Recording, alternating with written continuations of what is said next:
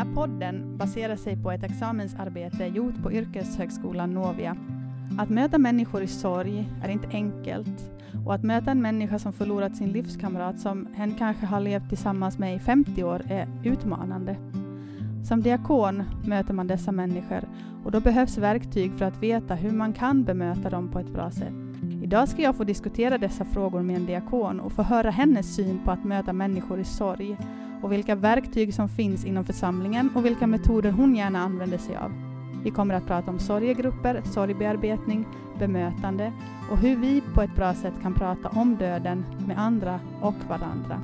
Välkomna med! Hej Åsa! Hej! Du får gärna börja med att berätta vem du är. Jag heter Åsa Eklund. Jag är diakon i Pedersöre församling sen 20 30 år tillbaka. Ja. Ja, sen jag blev klar, ja. Mm. Du trivs bra här med andra ord i församlingen? Mm, ja, församlingen har blivit mitt, mitt livsverk på det sättet, eller mitt arbete. Ja. ja. Jag ska börja lättsamt med dig. Så om jag säger döden, vad säger du då? Oj. Döden. Ja. Oundviklig. Mm. Skrämmande. Spännande förlust. Mm. Hur, möt, hur, upplever folk som du möter döden, liksom sådär i gemene man? Om du tänker liksom folk som du har mött genom åren. Vad har döden, har ni pratat mycket om döden och har liksom folk, beha, folk behandlar folk döden som ämne? Folk behandlar ofta, pratar ju ofta om sina förluster. Mm. Och, och särskilt sorgen över, över sin livskamrat som du pratar om, det är ju väldigt vanligt. Men också sorgen över barn, över, över allt som inte blev som de hade önskat i livet. Mm. Jag skulle säga att det är väldigt ofta förekommande. För alla möter vi ju sorg, död och sorg på något sätt. Ja. Hur tänker du att vi kan prata om döden då? På ett som naturligt sätt, om man ska säga det så. Finns det något bra sätt att prata om döden på? Att prata om den Mm. är väl det bästa sättet. Eh, Jag tror att, eh, att man behöver inte vara rädd att tala om död med, eller ska vi säga förluster med den som har mist någonting. Den som saknar någon, som sörjer någon. De, de automatiskt vill tala om, för det är ju deras stora upplevelse. Ja. De vill tala om den. Sen att prata om, om döden, eh, om man tänker med den som, som ska dö, Mm. om en vet att den är döende, det är en annan sak. Och att prata med någon innan dödsfallet skett, det är en annan eh, aspekt, lite en annan situation. Men när en förlust, en sorg är verklig, då är det det som en människa allra helst pratar om. Så du tänker att innan döden har skett eller innan döden har liksom infunnit sig så är det ett jobbigt samtalsämne? Det är helt annorlunda, ja. Mm. Ja, för där blir ju, det är få människor som är du med döden. Hur blir man du med döden då? För det har jag också funderat jättemycket på, för jag själv har varit rädd för döden eh, jättelänge. Men av olika liksom, omständigheter så har jag som kunnat släppa den där känslan av att döden är någonting farligt, någonting läskigt, någonting skrämmande, utan mer tänka att "Nej, men döden är som du sa oundviklig. Ja. Men hur, hur liksom... Om man, om man träffar då som en diakon, träffar någon som är så rädd för döden att de inte riktigt vet, alltså vet inte hur de ska göra. Hur ska man liksom på något vis få det där samtalet att bli... Ja, det är en utman Mm. utmaning verkligen. För, jag, för, på, din först, för på en av dina frågor där så f- funderar du ut hur man blir du med döden. Ja. Egentligen när du, när du frågar mig den frågan så slår det mig att, att, att genom att prata om det. För måste jag sätta ord på vad jag är rädd för? Får jag sätta ord på vad jag är rädd för? Får jag sätta ord på, på vad det kan vara och vad det, eh, om man diskuterar det och vågar själv möta det så tror jag det enda sättet att bli, bli du med det. Men människor är ofta så rädda att, eh, att börja prata om döden för är det någon som är sjuk i familjen så vill de inte det är på något sätt att ge, ge upp hoppet, att Mm. börja tala om döden. Man, man, man vill hålla upp den här, eh, det hoppet så länge som möjligt och så, så missar man kanske möjligheten att prata om vad händer om och när döden kommer. ja, för döden är ju definitiv. Ja, Ja. Den går ju inte att ta tillbaka. Nej, inte för någon Nej. av oss. Och, och på något sätt så, så har vi inte en sån diskussion där vi, där vi naturligt kan prata om den som en, en del av livet. Ja, jag tänker att det skulle behöva vara mera ett naturligt samtalsämne eh, och en, en, liksom en känsla av att det är okej. Ja, Okej att prata om och det är Ja. okej att vara rädd för. ja, Men det är också okej att känna sig bekväm med döden på något sätt. ja. Många äldre människor som man träffar är ju, är ju så att om man skulle säga på bibliskt sätt mätta på livet Ja, och på det sättet beredda och, och um, okej med döden. Men det är inte alla. nej. Även om de är äldre tänker du Nej, nu. Mm. Nej, nej, De är inte färdiga heller fast de har... nej. Nej. Och särskilt anhöriga runt omkring, det, det är en utmaning för de som står runt omkring och, har, och ens nära kära eh, är sjuk och de vet att nu, är, nu är, finns det ingen annan utväg än döden. Hur pratar man kring det här? Mm. Hur vågar man ta upp det utan att säga att nu har vi, nu har vi den begrav, nu Ja, precis. begraver vi dig. Utan tvärtom liksom lyfta att inför det här, vad vill vi ännu säga åt varandra? Ja. Ja, det är... Mm. Det är en knepig sak, men Ja. viktigt att prata om. Ja, Och viktigt att våga vara ärlig med sig själv och också med varandra lite. Och att som allt annat, att våga börja sätta ord på Mm. det och liksom våga prata om det med ord. För mm, när man ska lära sig att prata om någonting nytt så är det först främmande att ta orden i sin mun. Ja, ja det är så. Nå, om vi säger nu att någon har mist, församlingsbo har mist sin livskamrat och de har levt länge tillsammans. Vad har ni liksom från församlingens sida, vad, vad gör ni då?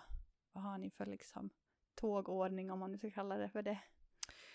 Ganska naturligt idag så får, får de ju kontakt med präst för att eh, ha jordfästning och, och just nu så håller vi, blir det ju inga minnesstunder men inför jordfästning och, och eh, kan prata där med, med prästen kring själva ceremonin, jordfästningen. Eh, sen efter en tid så, så försöker vi ta kontakt, då är det oftast diakoniarbetare i de flesta församlingar som tar kontakt. Eller så kan prästen som har, har haft jordfästningen ta kontakt Mm. också. När vi tar kontakt då så, så ringer man ju helt enkelt och frågar ett, hur har du det? Hur har du det? Hur går det? Mm. Brukar de vara som öppen för det där samtalet? Eller det, kan det vara så att man får lite dra ur dem? De flesta har ju ett jättestort be- behov av att få prata om sin förlust. Ja, och Mm. vad det innebär i, i, i deras liv. För Ja. det är en så stor, är det livskamrat, en livskamrat som har dött, det är en så stor omställning i livet. Ja. Och där är det ju vilken, vilken situation man sen ringer, vad som är aktuellt just då. Hur nära det är. För det beror på hur lång tid har gått, vad är omständigheterna runt omkring, har det varit väntat, har det varit oväntat? Allting inverkar. Vad tänker du om tidsaspekten? Alltså skulle det behöva gå en viss tid eller skulle, ni, skulle det vara en snabbare kontakt? Alltså sådär rent generellt, vad tänker man? Jag tänker att, att ehm, man kan inte finnas med hela tiden. Nej. Nej. Vi är nog bara en av... Vi, jag tänker på mig själv ofta när det gäller mina kontakter med människor som att jag, nu är jag en maska i det nät, nätverk som ska finnas kring, som finns hoppeligen kring varje människa. Att nu är jag den här maskan och jag, jag kan på mitt sätt idag hjälpa den här människan och kan jag då hjälpa vidare på något sätt. Att de får prata kring, om det och, och det som är med sörjande, det, eller med sorgen, att eh, det viktiga är att få om och om gå igenom vad har hänt. Om och om så går man igenom vad var det som hände? Hur har det varit ett sjukdomsförlopp? Hur gick sjukdomsförloppet till? Vad hände då? Hur ledde det till det? Hur, hur blev det sen? Och sen man går igenom de här samma sakerna många gånger och man ska göra det, de ska göra det. Och, och då, får, då ska de- den som, det är viktigt att man orkar då lyssna på det här, för det är en del av sorgeprocessen att få gå igenom vad har hänt? Det här stora som har, förändringen som har skett i mitt liv, varför hände det? Hur hände den? Ja. Så ni tar kontakt och de får då, om de vill, prata med er. Ja. De kan också komma säkert till församlingen på samtal om de känner för det. ja. Men sen har ni också sorgegrupperna. Vi har sorgegrupper. Eh, Och där beror det på hur stor församlingen är, hur många dödsfall och, hur ofta det är. Eh, Vi har i vår församling haft eh, en gång per år. Det räcker inte riktigt mycket mera än till det. Hur många brukar ni ha då med ungefär? Tio, Mm. tiotal. Mm. Nu har vi en större församling så jag vet inte vad, Nej, precis. blir verkligheten i, när coronan är förbi. Men det där, eh, mm, då brukar vi kalla samman till en sorgegrupp.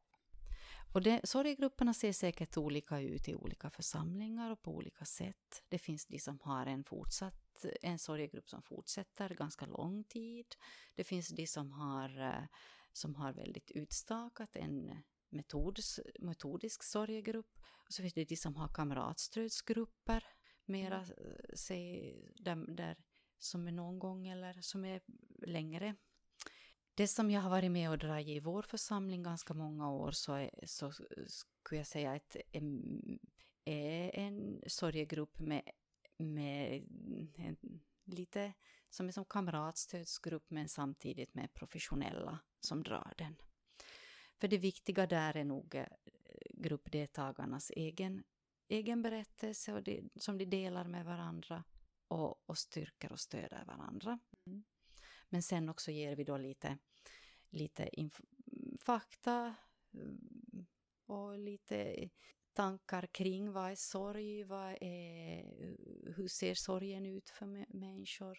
Vi pratar kring begravning, kring för, förloppet förstås först, att vad som har hänt och, och också kring döden och himlen. Ja.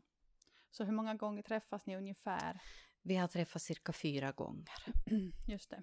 under en ganska koncentrerad två månaders period. Ja. Och det tycker du är en bra liksom? Eller skulle du ha velat haft en längre period med mera träffar eller känns det som att fyra är tillräckligt? Fyra är inte tillräckligt. Nej. Det är bara en liten del. Eh, Det är att gå med en liten bit på vägen. Mm. Ofta så får de kontakt med varann och fortsätter sen att ha kontakt med varann som andra som är i samma skede, Ja. som har mött samma sak. Så de bär varandra vidare. Eh, Men jag tror att, eh, att eh, endera så går man på en längre period och har bara de här kamratstödsgrupperna. Ja. Eller så, så behöver man börja behandla sorgen väl djupare. Ja. Och, och där tänker jag att, att då behövs också en... Då ska alla vara lite mera på, ett samma, på samma nivå, att de, de har behov av att gå, gå djupare, tänka djupare kring sorgen och förlusten. Så man kan fortsätta gruppen och att man gör den liksom att den går djupare ner eller kan man välja att vissa fortsätter också? Man skulle bra kunna göra det. Ja. Ja, ja. Överlag så skulle jag säga att en sorgegrupp är ju, är ju på det sättet att det är väldigt mycket vilka människor som kommer till gruppen. Mm. Um, ibland så, så är, är de, klarar de sig nästan själva, man kan bara sitta och luta sig tillbaka. Så ibland får man verkligen sitta och, och, leda gruppen och, och, och, och försöka få gruppen framåt. Och man får inte så mycket eh, hjälp av deltagarna, men ibland så det är väldigt olika på grupperna. Ja. Och det vet man aldrig på förhand. Nej, precis. För om vi ska gå till det här examensarbetet som vi håller på och skriver samtidigt så där har det kommit fram i litteratur att, att vissa tycker att det ska vara 10, kanske till och med upp till 20 träffar. Eh, liksom för att få den där, följa med en längre period. Mm, mm. Vad tänker du om en sån tanke? Jag tänker att den också kan vara helt gångbar. Mm. Det beror på resurserna, vad man Mm. har för resurser att, att jobba med det. Och, men också att, att det är människor som, eh, som eh, ett av- är då gruppen sån att det har samma människor som hela, hela tiden är samma människor som kommer eller är det olika människor som kommer in och går ut ur Ja. gruppen. Det här, mm, jag tror att det finns ing, inte bara någonting som är rätt eller fel i Nej. det här utan man beslutar sig för någonting och så gör man det som man har resurser till. Ja, precis. Jag vet inte om det är sant, men jag tänker att en sorgeprocess kan ju vara kortare för vissa och längre för andra, men ungefär ett år kanske, sådär i stora drag. Så jag tänker att en sorgegrupp skulle kanske kunna på något vis gå över en längre period. Att man skulle träffas Mm. lite mer sällan, men träffas Mm. längre Eh, att det ska få bli att man håller ihop.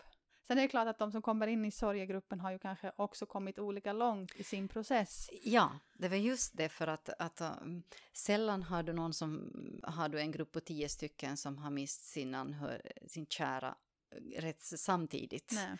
Att det kan då bli under ett, ett års tid och då är det ganska stor skillnad om man, om man har, eh, om det är några dagar sedan min kära dog eller om det är redan tio månader sedan. Ja. Och, och vill den då som har gått långt i sin sorg vara ännu ett år med, Nej. att där är kanske det knepiga. Att ha en väldigt lång grupp. Sen ser jag, ser jag väldigt olika, liksom, eller ser jag ju att sorgen kan vara olika.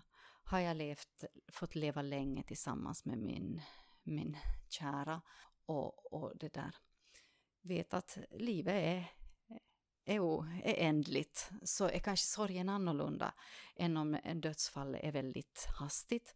Så tar vi en sorgegrupp för, eh, för föräldrar som mist barn eller för den som är mitt i livet och, och mister sin äkta hälft där. Så, så det är ju en helt annan situation. Där, där är sorgen annorlunda. Det inverkar på ett annat sätt i hela livet och framtiden. Och sen har det ju säkert också beroende på hur stor eller liten församling man har. Också det där med att vad Absolut. har man för medlemmar? Ja, Får man ihop en sorgegrupp som Ja. ändå är ganska sådär, där de har ändå förlorat sin livskamrat ganska inom samma tidsram? Eller är det just den här spridningen som du säger? ja, ja.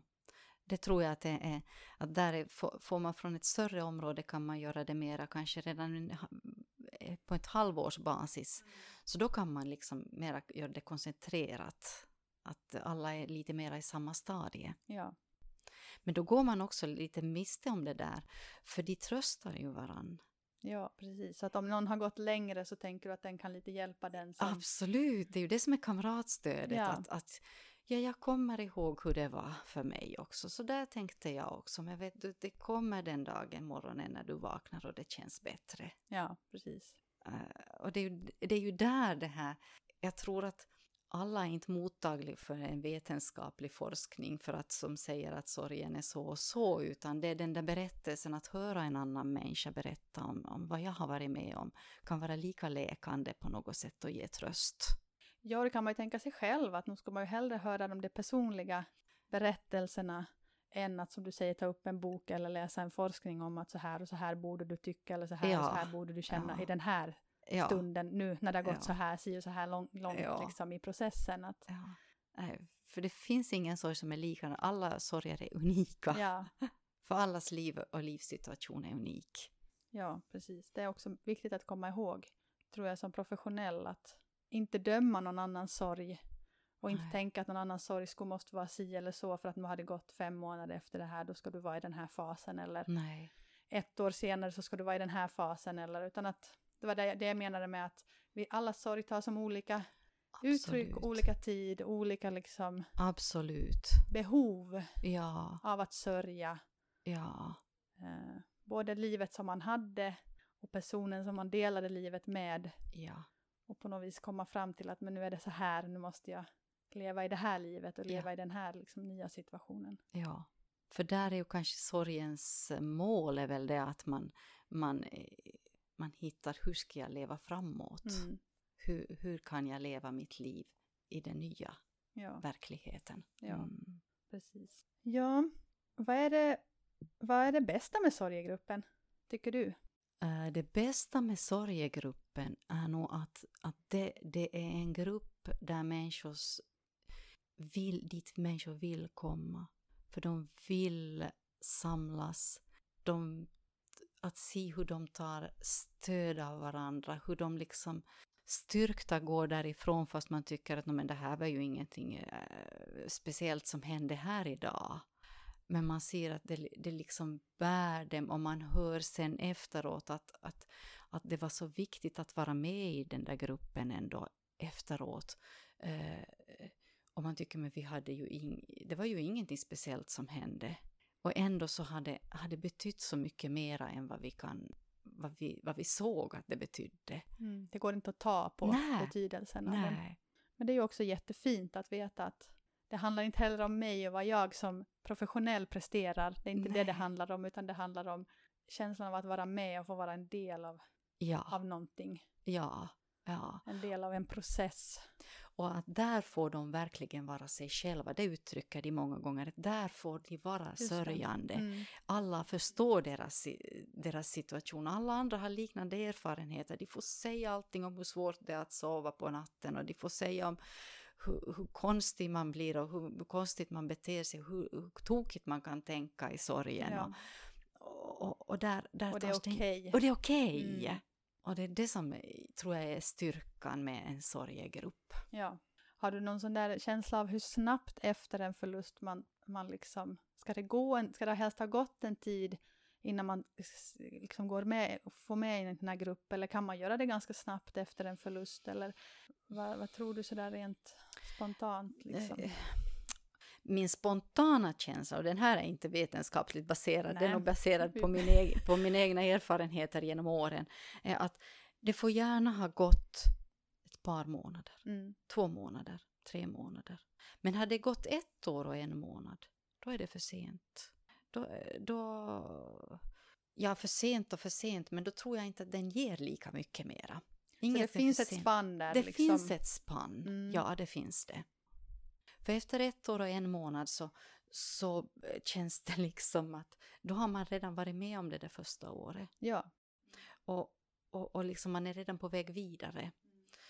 Då har man inte samma behov av att älta alla de här eh, olika skeden eller liksom Nej, alla det- de olika nej, tankarna klart, man som ska ju kommer. igenom all, allting det där första året. Det ska Ja. firas en jul och det ska firas ett Ja. födelsedagar och det ska vara Ja. liksom en massa såna här saker, årsdagar av allt möjligt. Bouppteckningen Ja. ska göras och, och, och liksom man får gravstenen och Ja. allting. Ja, all, alla de här sakerna är, som, är då förbi. Ja. Men det intressanta som jag tänker och det som jag med sorgen, för jag, när du sa en, en sak så sa du att det tar ungefär ett år. Jag brukar säga att en sorg tar två år åtminstone. Mm. Saknaden är oändlig. ja, den tar ju aldrig slut. Den tar aldrig slut. Nej. Men sorgeprocessen är över ett år. Jag tänkte jag tänk nog mer på den där som du pratar Ja. om nu, det här med att man ska ta sig Ja. igenom alla Ja. de här sakerna, det är ett Mm. år. Det var, det var liksom det var kanske den, jag var Ja. inte, uttryckte mig lite dåligt. men, men det är bra att, att du liksom, Jag, för jag tänkte bara påpeka det att där vid ett år, då tror väldigt många att nej men jag har ju inte kommit någonstans. För just månad, veckorna och månaderna kring ettårsdagen så, så tenderar det alltid att bli en dipp igen. eh, Ja. Liksom en, en, en, en, det blir en, då, då intensifieras det här, då upplever man att man kommer ingenstans för det känns så tröstlöst. Medan sen när man stiger upp ur den gropen, ska vi säga, så då, då börjar det gå oftast bättre. Då, då kan man fokusera mer på, mot framtiden igen. ja. Det är en sån där eh, som jag har iakttagit under alla dessa år. Ehm, så därför kan man kan vara med där så man kommer upp ur den gropen, men sen tror jag man ska nog gå vidare. För sen Mm. börjar det vara att finnas med i en sorgegrupp allt för länge. Då drar du hela tiden tillbaka, Ja. du dras tillbakas. Mm. Ja, du måste ju någon gång få gå vidare, få släppa den där, Ja. det där som har varit. Ja, det kommer alltid att vara en del av dig, Ja. men, det, du, men du behöver börja fokusera på, på framtiden, på det som är nya, Ja, på livet igen. ja. Så om du tänker att sorg, en sorgegrupp så är bra om det har gått några månader innan man går med i. Mm. Om vi tar det här med sorgbearbetning då. Det är ju en liten an, ett annat koncept, en annan metod. Ja, Men där har vi då, om vi nu ändå ska gå till forskningen som vi har läst, så har det också kommit fram till att en sorgbearbetning kan du påbörja ganska eh, snabbt efter förlusten. Att den liksom funkar tydligen bättre då om du har Ja. liksom påbörjat den ganska snabbt. Ja. Men vad tänker du, om du skulle berätta som sorgbearbetning som liksom metod, vad är det? Ja, sorgbearbetning är en metod som är utvecklad i USA. Jag vet inte om du presenterar den någonstans eller, eller eh, men den är och framförallt en metod som, som tas in till, till Norden eh, och eh, via ett in, Svenska institutet för sorgebearbetning i, som finns i, i Stockholm. Och det är ett handlingsprogram för känslomässig läkning vid dödsfall, separationer och andra förluster står det på, på framsidan av, bok, av deras bok. Och, och jag tycker det är viktigt att man faktiskt läser det här. Det är ett handlingsprogram för känslomässig läkning. Det betyder att man ska läka någonting som, som är så, sårat, man, har ett, man är sårad på något sätt. Och, och, det kan fungera vid dödsfall, vid separationer och vid all, många andra förluster i livet. Och det är en metod som baserar sig på att man eh, dels pratar kring sorgen men sen börjar göra väldigt konkreta, eh, man har konkreta verktyg som man jobbar med. Bland annat så gör alla, alla som går igenom en sorgbearbetning ett förlustdiagram där det inte kommer fram för sig själv. Mm. Där det inte kommer fram bara en förlust utan alla förluster, alla små och större förluster i ens liv lyfter man fram. För att på ett sätt, det här är en process eh, där man, bear, man arbetar med sig själv verkligen. Mm. Och eh, om man, eh, när man har gjort ett förlustdiagram så, så är också en viktig del av den här metoden att man gör eh, olika relationsdiagram. Det som, om man har relationer som man upplever att man vill bearbeta, där man känner att det här är inte bra. Det, jag, jag har en svår sorg, det är någonting som stör mig med den här relationen. Och då kan människan vara både död och levande. Just det. Som, man, som man gör ett relationsdiagram till, eller för. Mm. För min relation med den människan, där man kommer ihåg både positiva saker och negativa saker. Ja. Om det till exempel är en skilsmässa, man har så kan, någon som man har separerat från så kan man komma ihåg alla de där ljuvliga stunderna i förälskelsen och, och liksom allting vad man har fått vara med om som är positivt. Men så kommer man också ihåg de där grälen som, eh, som sen ledde kanske till en separation sen. Och, och, och liksom utegående från det börjar man fundera att vad har egentligen hänt i den här relationen? Ja. Och när man då har gått igenom det så, så, så så funderar man att, eh, att kring, ett, kring eh, till, till, tre saker till exempel. Ett, vad skulle jag behöva be om ursäkt för? Vad gjorde jag för fel? Och om den andra gjorde fel åt mig, vad är det som jag skulle borde förlåta för att jag ska kunna gå vidare? Just det. Ge förlåtelse åt den andra för. Ja. Och sen också, vad är det som jag skulle vilja säga den här människan? Eh, viktiga saker som att tyckte om dig, jag var stolt över dig. Jag vill att du ska veta att eh, det här skulle jag vilja att du ska veta. Så det blir ett, ett, en sorts brev ja, det blir, växling ja, med mig det, själv på något sätt. Det blir egentligen så, full, så är, är då processen i det här att man gör ett, ett fullbordansbrev. Där man skriver alla de här. Jag, be, jag ber om ursäkt för. Jag förlåter dig för att du det du gjorde eller det du inte gjorde. Mm. Och jag vill att du ska veta ett känslomässigt yttrande, någonting som har varit viktigt, ett, viktigt vad jag vill att du ska veta. Och genom det här, och en, en av de allra viktiga, viktiga orden i det här, jag vill till exempel ta en, en text för vad man, vad man skriver med förlåtelser. Mm. Jag bekräftar att det du gjorde eller, in, eller inte gjorde skadade mig men jag tänker inte längre låta mitt minne av detta fortsätta skada mig. Där man på ett sätt gör upp med sig själv, man ger sig själv friheten att gå vidare. Ja. Jag förlåter för att jag ska kunna gå vidare, inte för din skull, utan för att jag ska kunna gå vidare och he bli helad i mig själv.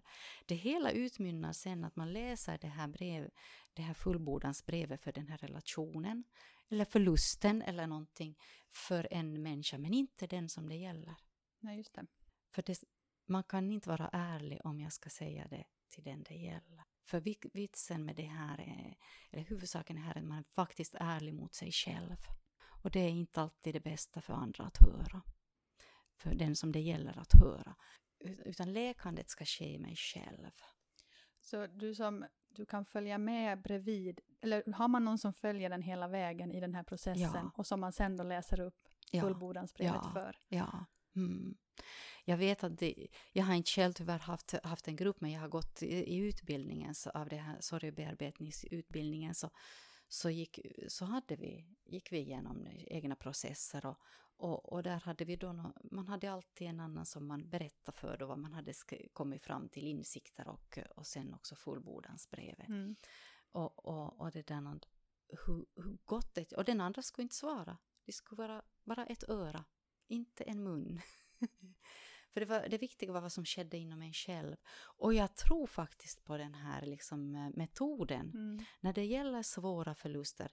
Och, och då gäller det inte för, bara förluster genom dödsfall utan det gäller förluster av tillit, förluster, känslan av att vara oälskad, känslan att, vara, att andra mm, jobb, mobbar mig. Eh, känslan, alla relationer där det har varit jobbigt mm. så är super att bearbeta med den här metoden tror mm. jag. Hur var den här processen för dig när du gjorde den? Vad, vad gav den dig för din, din professionella liksom, sida också? Det ska du borde fråga och kanske de som, som, eh, som den professionella sidan ska du, ska du behöva fråga de som har haft möjlighet att, eh, gör, har, att använda den mycket i sitt arbetsliv. Jag har inte haft den möjligheten eller jag har inte tagit mig den möjligheten ännu. Men för mig själv var, den, var det en, så skeptiker som jag är så tänkte jag att vad är det här? Och sen när man inser att oj, här kom jag mycket mycket längre, i den här metoden kom jag mycket längre än vad jag har gjort i mina egna tankar. Mm. Hur jag kunde liksom plocka fram det goda och det, och det dåliga i, i relationer jag har haft och komma till fred, till frid och fred med, med, en, en, en, med olika relationer. Det var fantastiskt.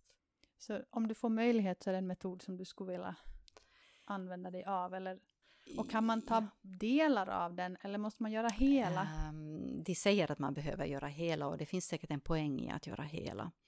Um, jag tänker att man måste, att den kanske kräver att människor är vana att läsa, mm. uh, att ta till sig um, en metod och, och göra enligt en metod.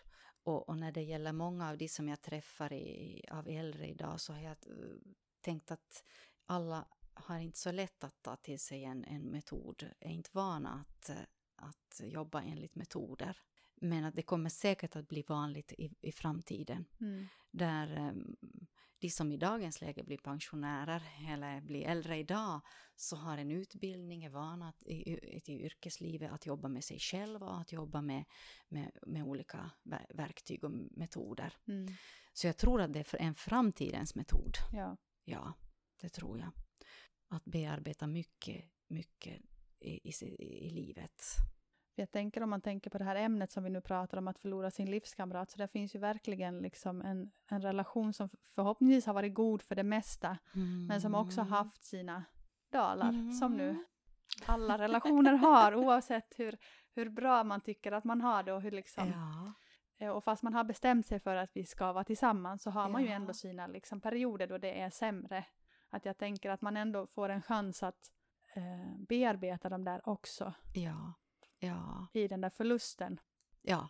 ja. För att annars blir det kanske lätt att man bara ser Antingen ser man bara de glansdagarna att allting var så fantastiskt och det var så bra det. och allting var som så, eller så ser man bara det där som inte var så bra. Ja, ja. Att det finns ju också den där risken att man hamnar i ena eller andra diket. Ja, det stämmer, det stämmer och, och liksom just det här att, att se båda, båda delarna och se mm. att båda delarna är livet och vad vårt liv tillsammans eller ja. Mm. ja det, det, är fantastiskt att få, få liksom ta båda delarna med för det är ju det som är vårt liv, vårt liv i helhet. Ja. Eller, ja, som du sa, det är ju som med alla relationer att man har goda och sämre stunder. Ja, och man orkar inte med den andras alla Nej. egenskaper lika bra som med något annat. Nej, precis. Och jag tänker när man lever ihop sådär och man är ju ändå ihop mycket och speciellt kanske de där sista åren om båda är pensionärer ja. och man liksom ja. Eh, lever väldigt tätt in på varandra och liksom mm. verkligen sliter på varandra på ett annat sätt än vad man kanske gjorde när man var i yrkeslivet och man hade mm. barnen hemma och liksom att då kan det också bli att de där slitningarna blir det som lämnar kvar.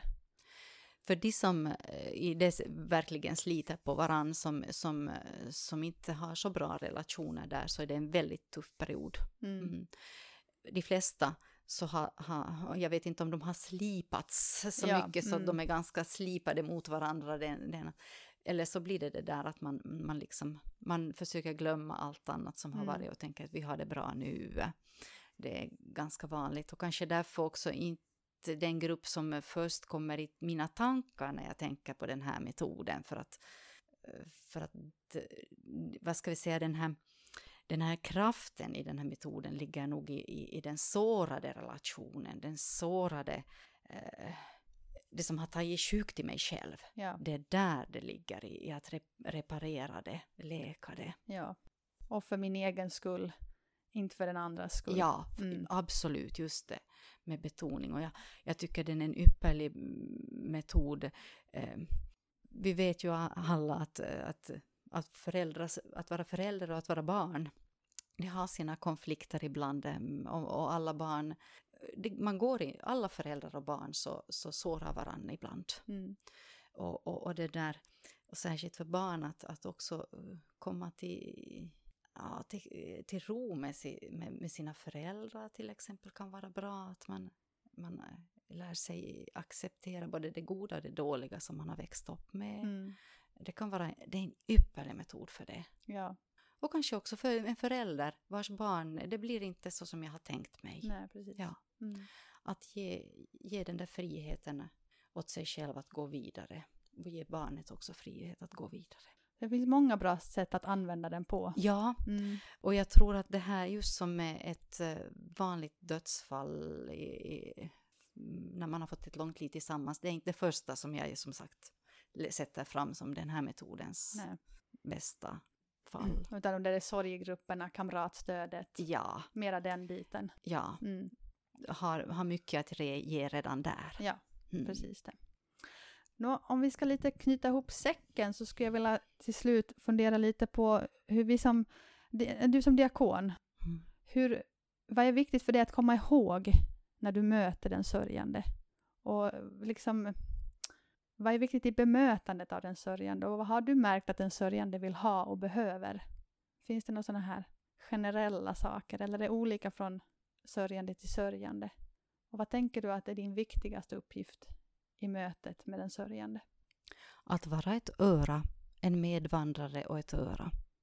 För, för jag tror att, att det, det är inte vad jag säger som är det viktiga, utan att vara närvarande, att orka lyssna, att orka liksom gång på gång gå igenom det där som har hänt, det som har hänt och, och ja, man får påminna sig själv om att inte prata för mycket själv, inte ta upp sin egen, man ska ha behandlat sin egen sorg och sina, sina egna förluster, för det är inte, fokusen ska ju inte vara på mig, Nej. utan jag, det får vara på den andra, den som har sorg. Det, och att vara ödmjuk när man går in, går nära en annan människa. Mm.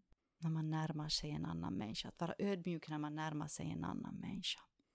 Så det är det här med att eh, vi har två öron och en mun. Ja. Och, Och två, två ögon. ögon. Ja. Just det, att vi ska som se och höra eh, mest, Ja. prata Mm, eh, mycket mindre ja. än vad vi kanske många gånger tror eller gör. Ja. Mm. Och vi har två händer. Och när det inte är coronatider så är det väldigt eh, kraftfullt att på något sätt få förmedla den här fysiska, att kunna ta i den andra människan och Ja. ge, ge närheten. Och att framförallt med två fötter gå och möta den människan. Ja. Mm. Tack så jättemycket för att du ställde upp och för att du var med i det här samtalet. Tack själv. Jag som har pratat heter Rebecka Ekman och eh, vi som skriver examensarbete heter eh, Anja Peltola, Anne Holm Havisto och Rebecka Ekman. Hoppas du har tyckt om samtalet.